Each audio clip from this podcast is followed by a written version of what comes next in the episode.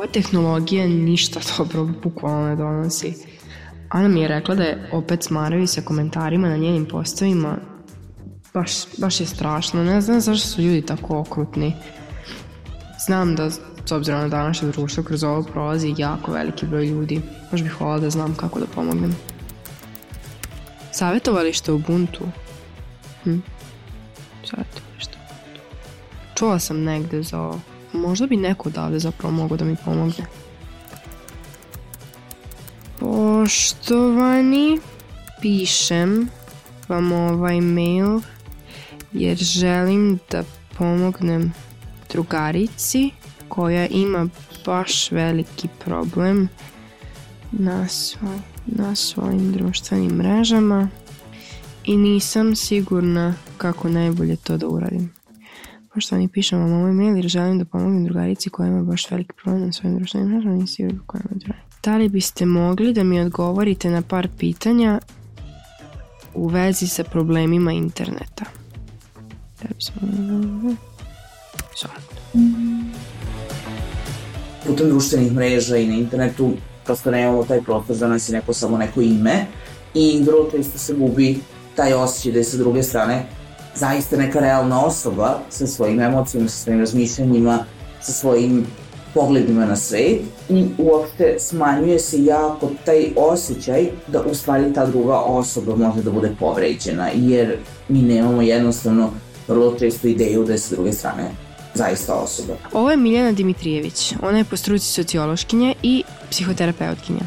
Takođe je članica centra, odnosno savjetovališta Ubuntu za rast i razvoj ljudskog potencijala. Internet je javni prostor u kom možemo da vidimo svašta, da napravimo svoje identitete koji nisu uvek isti kao i u fizičkom svetu, ali i prostor koji na toliko načina utiče na nas. Formiranje naše ličnosti do uticaja na stvaranje loše slike o nama, pa i do cyberbullyinga i toga kako sadržaj na internetu utiču na našu pažnju. Ja sam Jovana, a ova je epizoda podcasta Umologije u kojem pričamo na sve ove teme danas. Plus, jedan savet za roditelje kako da nam pomognu, a i sami sebi u navigaciji kroz more dostupnog sadržaja. Jedna važna stvar, podijelite ovaj podcast i sa ekipom, ali i sa roditeljima ako smatrate da je od pomoći. I jako važno, Veoma je važna naša postavka i to šta delimo i koje sadržaje prosto postavljamo i koje delove našeg života i na koji način dajemo drugima na uvid. Ono što moramo da razumemo da su društvene mreže javni prostor, kao što sa druge strane na ulicu ne idemo goli, odnosno obučemo se u skladu sa tim od toga kako je vreme, do toga kako će drugi ljudi da nas posmatraju. Tako na neki način treba da doživimo javni prostor koji nam se pruža na internetu, kroz društvene mreže. E sad, samo pitanje gde si ti postavila koja je opasnost o, po nas, odnosi se najviše na naš mentalni, odnosno emotivni kontekst, jer na neki drugačiji način teško da neko može doći do nas, opet kažemo u zavisnosti kakve podatke delimo na internetu. U poslednje vreme se na društvenim mrežama javlja sve više takozvanih kultura, kao što su dijet kultura, cancel kultura, radne kulture i tako dalje. Kako sve te kulture utiču na nas i naš razvoj i na formiranje vlastitog razmišljanja, ali najpre formiranje svog identiteta. Ono što je važno kada se mi formiramo jeste da negde kroz, tu, kroz to formiranje pokušamo da ostanemo što više dosledni sebi. Što kada smo mladi, kada smo deca, teško ide, zato što nismo čak često sigurni šta želimo, ni o čemu razmišljamo, ali ono što negde jeste svakome od nas važno jeste da pripadamo određenim grupama.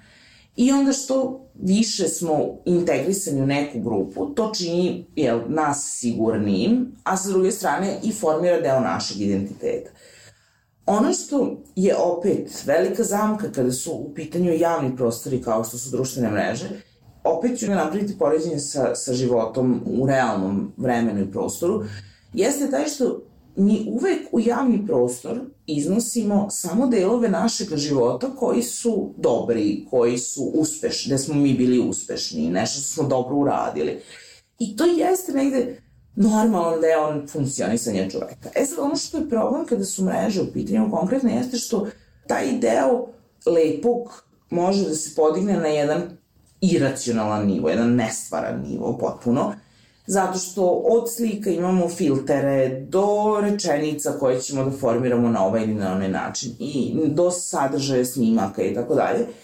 I to predstavljanje u tom smislu nije isto kao u stvarnom životu. I kako onda ti oblici realnosti utiču na nas? Izuzetno povećavamo očekivanje od sebe, izuzetno povećavamo očekivanje od drugih ljudi i počinjemo sebe da poprilično negde maltretiramo sami, ako to i ne radi okolina, zašto mi nismo toliko lepi, toliko zgodni, toliko uspešni? I to jeste jako veliki problem, jer to ne možemo ni da dosegnemo. Taj filter na Instagramu i kroz snimak mi to ne možemo da dosegnemo, ali osoba neće reći da je to. Znate, to je sad filter, evo ja ću se sad snimiti kako realno izgledam i opet se vraćamo na ono, svi mi u javni prostor volimo da pokažemo ono što je jako dobro, ono što je uspešno, lepo kod nas, prosto počinjemo da imamo jako nerealno očekivanje od sebe i od drugih ljudi. I to je jako veliki prostor u stvari za anksioznost, za depresiju, za perfekcionizam, za bilo šta od toga što vremenom nam počinje da stvara ozbiljan problem. Jer ako vi svako jutro uključite društvene mreže i vidite koliko niste uspešni, ne govorimo sad, ne, niste svesni da to nije realno uopšte da budete na taj način uspešni, vi ćete se taj dan loše osjećati. I osjećate se loši sutradan i preko sutra.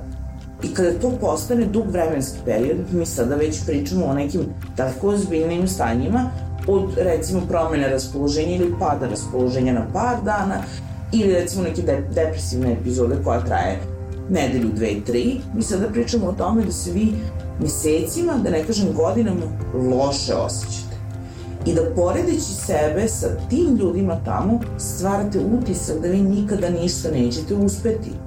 I jako se udaljavate od sobstvene suštine i od vrednovanja sebe kao osobe. Pa onda sa druge strane, strah kad si već spomenula cancel kulturu, jeste u tome da neko može da donese odluku da mi ne postojimo po znacima navoda više. Neko može da donese odluku da nas odbaci i da vrlo brzo se sa drugima sklopi i da to okrene protiv nas. To su stvari koje su strašne, zato što na jedan klik smo od potencijalno svega onoga što mi ne želimo. Ali, ovde moram da ubacim jedno važno ali. Isto sa svim ostalim sadržajima u životu. Ako vi vidite da neko stalno putuje ili da koristi e, sjajnu šminku ili da ima prelepo dela, vi ćete negde, za, u zavisnosti naravno od sobstvenih interesovanja, od sebe isto to očekivati. Ali to nije ono što je zaista stvarno. Svi mi ne znamo šta se kod tih ljudi u njihovim životima dešava, kako su oni stigli do tog putovanja, uh, Da li je to, ne znam, da li su uzeli roditelja novac, da li su zaradili, da li, to, to su delovi o kojima se ne priča, taj teži deo, taj put do toga, to se ne priča, mi vidimo samo jedan deo da. stvarnosti. I to poprilično utiče na nas. S obzirom da cyberbullying u nekoj formi uvek postoji na mrežama, kako da prepoznamo kada ono prelazi iz nepromišljenih izjava u ozbiljan problem i opasnost po nas ili nekog drugog?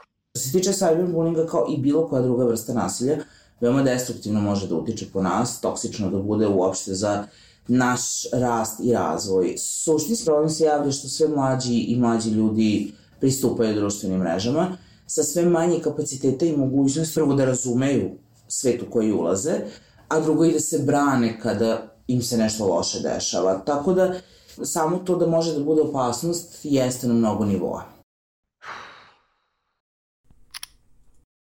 Kada neko doživljava cyberbullying na mrežama, on može da se zatvori u sebe, može da postane asocijalan ili asocijalna, neko je besan, svi smo različiti i različito reagujemo na pritiske i loše događaje koji nam se dešavaju. Nagovišti mogu biti razni, od toga da se osoba počinje osjećati sve, da, da se sve više zatvoja, da se osjeća lošije, da ne želi, da više, sve više internalizuje tu neku vrstu kritike koju je dobila kroz društvene mreže način na koji uopšte počinje da se gledala sebe. Opet govorimo najčešće vrlo mladim osobama koji su još uvek u formativnom periodu, gde jednostavno ne znaju na dobar način da razluče šta je nešto dobro za njih i šta nešto nije, nije dobro za njih. Normalan deo u razvoju jeste da mi svi želimo da pripadamo nekim grupama, da želimo da formiramo svoj identitet kroz interakciju između ostalog sa drugim ljudima, da želimo naravno da sebe prikažemo u nekom određenom svetlu. Mislim, to su sve stvari koje se dešavaju i u realnom, kad kažem realnom, ne mislim da ovo nije realno, ali u, u svetu gde smo uživo sa drugim ljudima, ali na taj način mi vidimo drugu osobu, vidimo njenu reakciju, verbalnu, neverbalnu, vrlo često možemo da osetimo emociju i na taj način možemo sebe da korigujemo. Dok putem društvenih mreža i na internetu prosto nemamo taj prostor za nas i neko samo neko ime i vrlo često se gubi taj osjećaj da je sa druge strane zaista neka realna osoba sa svojim emocijama, sa svojim razmišljanjima, sa svojim pogledima na svet i uopšte smanjuje se jako ta taj osjećaj da u stvari ta druga osoba može da bude povređena. Jednostavno, vrlo često ideju da je sa druge strane zaista osoba. Ili ako na neki način želimo da tu osobu povredimo, to možemo vrlo lako da uradimo na taj način, zato što ćemo neki sadržaj koji možda i nije voljno osoba dala, tipa da je neko, nekoga snimio, da on to ni ne zna, podeliti na mrežama i na taj način napraviti ozbiljan problem drugoj osobi. Miljana nekoliko puta spominje, čućete kroz epizodu, da kada pričamo sa nekim uživo, mi tada zbog neverbalne komunikacije možemo da osetimo emociju i onda korigujemo i sebe. Na internetu to baš i ne možemo. Slika o mnogim aspektima života nam je zbog toga i iskrivljena kako da znamo da nekome na internetu možemo da verujemo, odnosno kada treba da prestanemo da verujemo, pogotovo ako te osobe ne možemo da vidimo. Kad smo deca i kad smo mladi, mnogo smo skloni da verujemo ljudima i da verujemo generalno u, u mnogo toga što nam se negde plasira.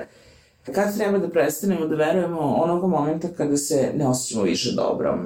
Taj moment može biti vrlo brzo ili može proći vremena, ali trenutak u kome mi više ne osjećamo da smo dobro, mi kao mi, treba da prestanemo da verujemo. E sad, problem kod toga jeste što negde deca polaze od toga da veruju autoritetima kao što su roditelji, kao što su važne figure tipa nastavnika, učitelja i tako dalje.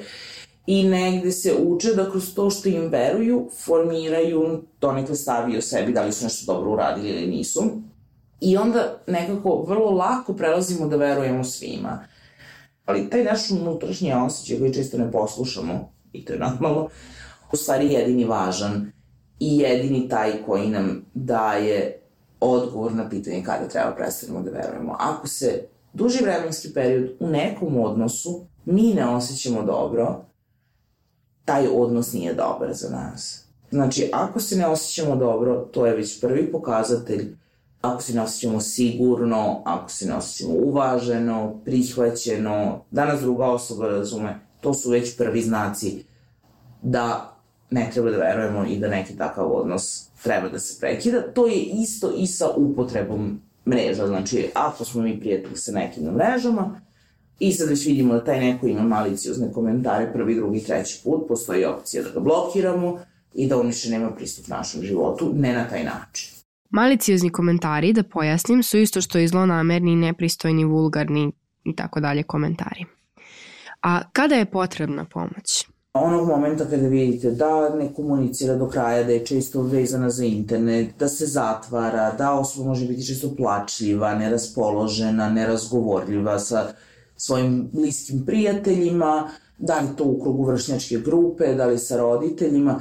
I uglavnom, ono što jeste dodatno izazovno kad je pitanje pomoći, jeste što u tinejdžerskom dobu to jeste jedna normalna faza razvoja, da tinejdžeri nekada stvari doživljavaju malo intenzivniji, još uvek nemaju mehanizme emocionalne regulacije do kraja razvijene, da je to neki period u kome njihov doživljaj njih um, je drugačiji nego kasnije i tako dalje, što može da se pobrka sa ovom fazom, nekada budu čudljivi, nekada neke, nekada neraspoloženi ili sa više ljutnje nego što, što negde ajde, odrasli to mogu da razumeju. To nekada može da se preklopi i to je veliki izazov, jer ne znate kada, kada posmatrate recimo svoje dete, reći ću sad iz uloge roditelja, ne znate da li je to normalna faza ili se nešto dešava. U vezi s tim, ja sam uvek za to da se stvari provere. Znači da se razgovara. Kada već osetimo da nešto nešto ima, nešto nije u redu, kako da pomognemo osobi? Dve stvari me sada interesuju. Prvo, i roditeljima da pomognemo, kako oni da nastupe i kako da pomognu svoje deci. Nekada roditelji, pogotovo u poslednje vreme, ja to pratim kroz svoju roditeljsku ulogu, instaliraju deci na telefone neke aplikacije za praćenje, pa koliko su bili na internetu, pa na kojim tačno, koje tačno aplikacije su koristili i tako dalje. To sa jedne strane jeste korisno za roditelje, sa druge strane je to narušavanje granica kod deteta. I opet e, dolazimo do onoga da dete samo ne uči kako da se čuva i na koji način da postavlja granice, nego tu korektivnu funkciju vrši roditelj. Što u nekom daljem vremenskom periodu može da se stvori problem, jer dete će negde naučiti da su mu već narušene granice. Ono što je meni recimo uvek preporuka kada su roditelji dete u pitanju, ja kažem ispratite sadržaj toga što vaše dete gleda. To najčešće bude ekstremno dosadno za nas odrasle, tipa razno razni blogeri, youtuberi i tako da, influenceri, Instagram, ali ovaj kažem, ok, sedite sa svojom decom i pogledajte šta oni gledaju. Razgovarajte o tome. Da li je to dosadno? Jeste. Da li je to nešto što apsolutno nije oblast vašeg interesovanja? U pravu ste. Ali pokušajte da se prosto investirate u to. Ne na način ovo ne smeš, kao, kao ishod, ovo ne smeš ili ovo smeš. Prosto da razgovarate. Tako da ideja u stvari u tome jeste ideja da negde stariji, opet ću negde bazirati braća, sestre, roditelji, uključe se u sadrže koje deca i tinejdžeri prate. Pogotovo ako imaju ili relativno dobru povezanost i odnos, deca će biti spremna da podele u stvari sadržaje. Kada nisu spremna, kada negdje imaju ideju da će ih opet odrasti odbaciti kroz to, ma šta to gledaš, to su gluposti, ili šta to pratiš, ma to nema veze sa životom i samim tim njihovo interesovanje ste preklopili. Dobro, mene možda ne zanimaju neki sadržaj, ali ću biti spremna da neko vreme posvetim tome da pogledam te sadržaje i da ih razumem kao da su sadržaji koji su meni od životnog značaja. I to je način kako opet možemo da tu celu priču koja koju možemo posmatrati negativno, okrenemo u pozitivan jedan kontekst. Druga stvar, kako da nastupimo, i roditelji, ali i mi, kada treba da pomognemo prijatelju ili prijateljici. Na prvom mestu, kad god govorimo kako prići nekoj osobi, uvek govorimo socijalna podrška, razgovor sa drugima, ljudi koji mogu da ti pomognu. Razgovori su jako dobri. Ukoliko sa nekim niste bliski, a primećujete da se nešto menja, najčešće neko poznaje nekoga iz okoline te osobe i prosto što više ljudi negde se uključi u tu priču i osoba će se osjećati prijatnije, da tako kažem, ili slobodnije, eventualno da podeli neki problem koji ima, nego ako direktno negde mi krenemo, pogotovo ako nismo bliski sa tom osobom, da joj govorimo da mislimo da se nešto promenilo, da mislimo da se nešto desilo i tako dalje. Znači, neophodno je negde da više ljudi sagleda tu situaciju i kao i u većini naših problema što imamo više ljudi koji su spremni da nam pomognu, to ćemo negde lakše izaći iz problema. Kako najbolje da pružimo tu podršku? Definitivno. Razgovor, davanje prostora osobi da izrazi kako se osjeća, neodbacivanje. Miljena objašnjava da mi odrasamo u društvu u kome je obrazac nasilja dosta prihvaćen. Kako? Normalizujemo ga kroz rečenice koje vrlo često čujemo. Evo koje su to, odmah će vam biti jasno na što mislimo. To su dečije zadirkivanja, boys will be boys, i mene su roditelji tukli, pa šta mi fali? To je poruka koja u stvari odbacuje to kako se druga osoba osjeća. Ako druga osoba, pogotovo neka koja je izložena takvoj vrsti cyberbullingu, ona ima svoje stanje u kome se sada nalazi, tužna je, neraspoložena i tako dalje. I ideja toga da mi nju bukvalno ugasimo time što ćemo reći, ma to je, šta je to za tebe, ma samo se isključi sa mreža, mi odbacujemo to kako se ona osjeća i to je put kako će se osoba definitivno zatvoriti i kako nam neće reći dalje šta se dešava. Znači, koliko god nama neki problem delovao minorno u odnosu na nešto što smo mi postigli, važno je važno je mladoj osobi i detetu dati prostor da to iskaže. Što smo stariji, imamo više iskustva, stvari drugačije vidimo i nekada i nenamerno iz te pozicije umemo da se postavimo, ma sve će to proći. Možda u tom trenutku i ne želimo time da se bavimo. Ali je važno osobi dati prostor makar da izrazi kako se osjeća i makar da izrazi kakav doživljaj te cele situacije imam. Kad kažem prostor, to je da da osoba može da vam se poveri, bez da donekle otpišete ono što ona misli ili osjeća. Opet kažem, bez obzira u ko u kojoj poziciji bio. Odrasli dete ili dete dete.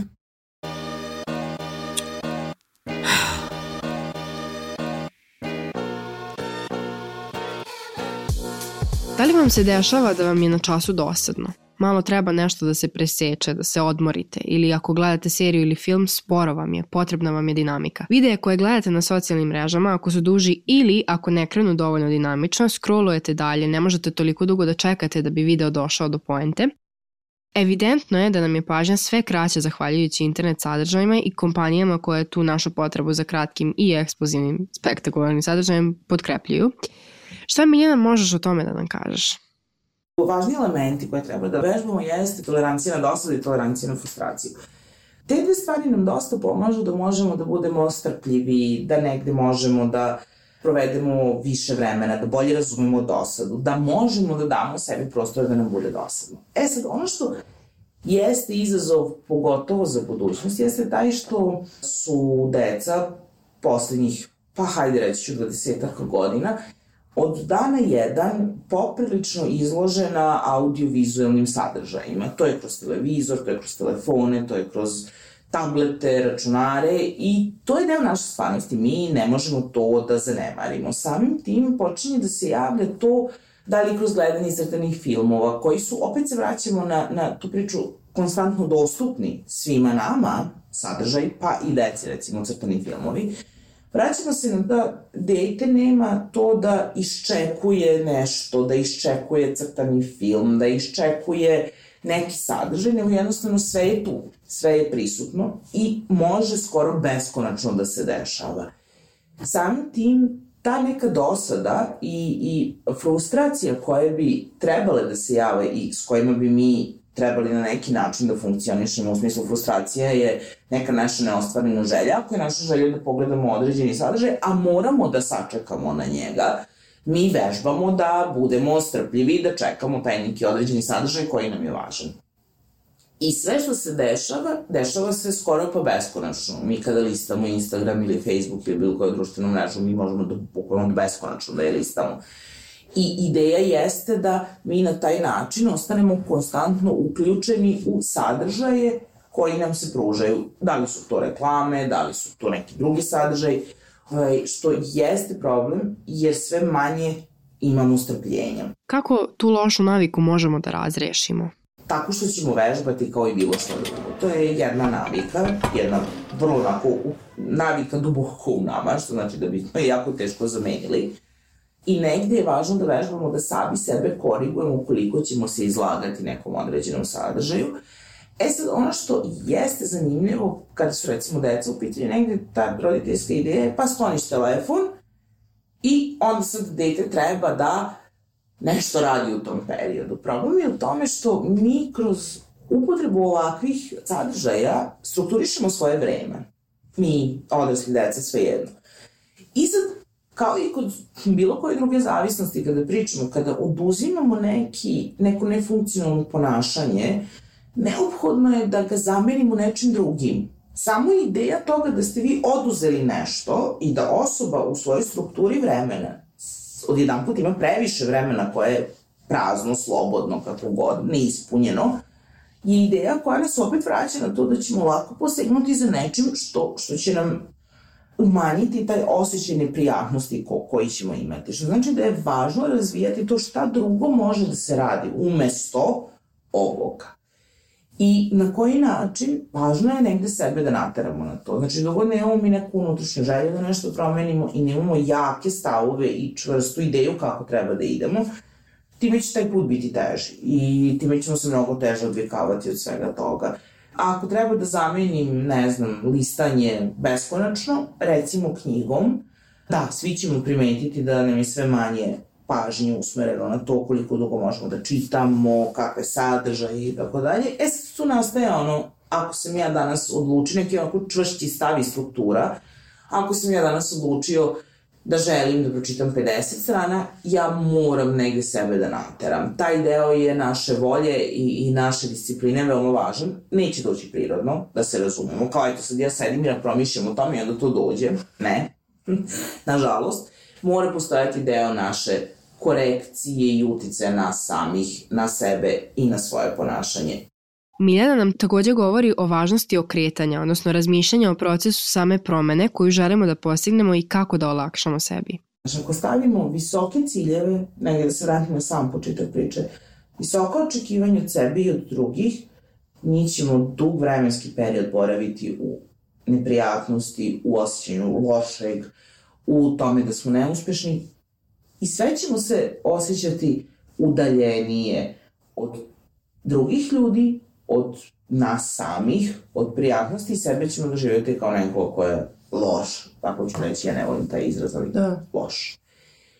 Vraćanje sebi, vraćanje tome što želimo, svojim potrebama, svojim željama, svojoj autentičnosti je dugačak put. I onog momenta kad uspemo da se orijentišemo, da razmišljamo o putu, odnosno o procesu, a ne o cilju, mnogo će nam biti lakše i, i to jeste važan ugao gledanja. Hajde da se vratimo na proces i da uživamo sa svakim danom u nekoj našoj promeni, najmanjoj, ili makar ovaj, tome što smo uspeli i danas da uradimo neki deo od neke veće promene, nego gledanje na, na, na neke visoke ciljeve. Uh, dobro je. Moja koncentracija sad neće postojati sve kraće i kraće. Treba da vežbam i smanjujem koliko sam na mrežama i tim sadržajima, ali ok, moguće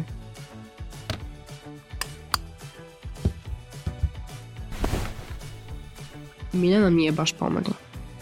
Da sumiram razgovor sa njom. Važno je šta dajemo na mreže, koliko se otvaramo. Važno je da znamo i da se podsjećamo da na socijalnim mrežama nije sve baš tako kako se prikazuje ili ako jeste ne znamo baš uvek pozadinu toga. Ako ste loše ili ako je neko iz vaše okoline loše, razgovor i podrška, slušanje i razumevanje mogu da pomognu. Moram da zovem Anu.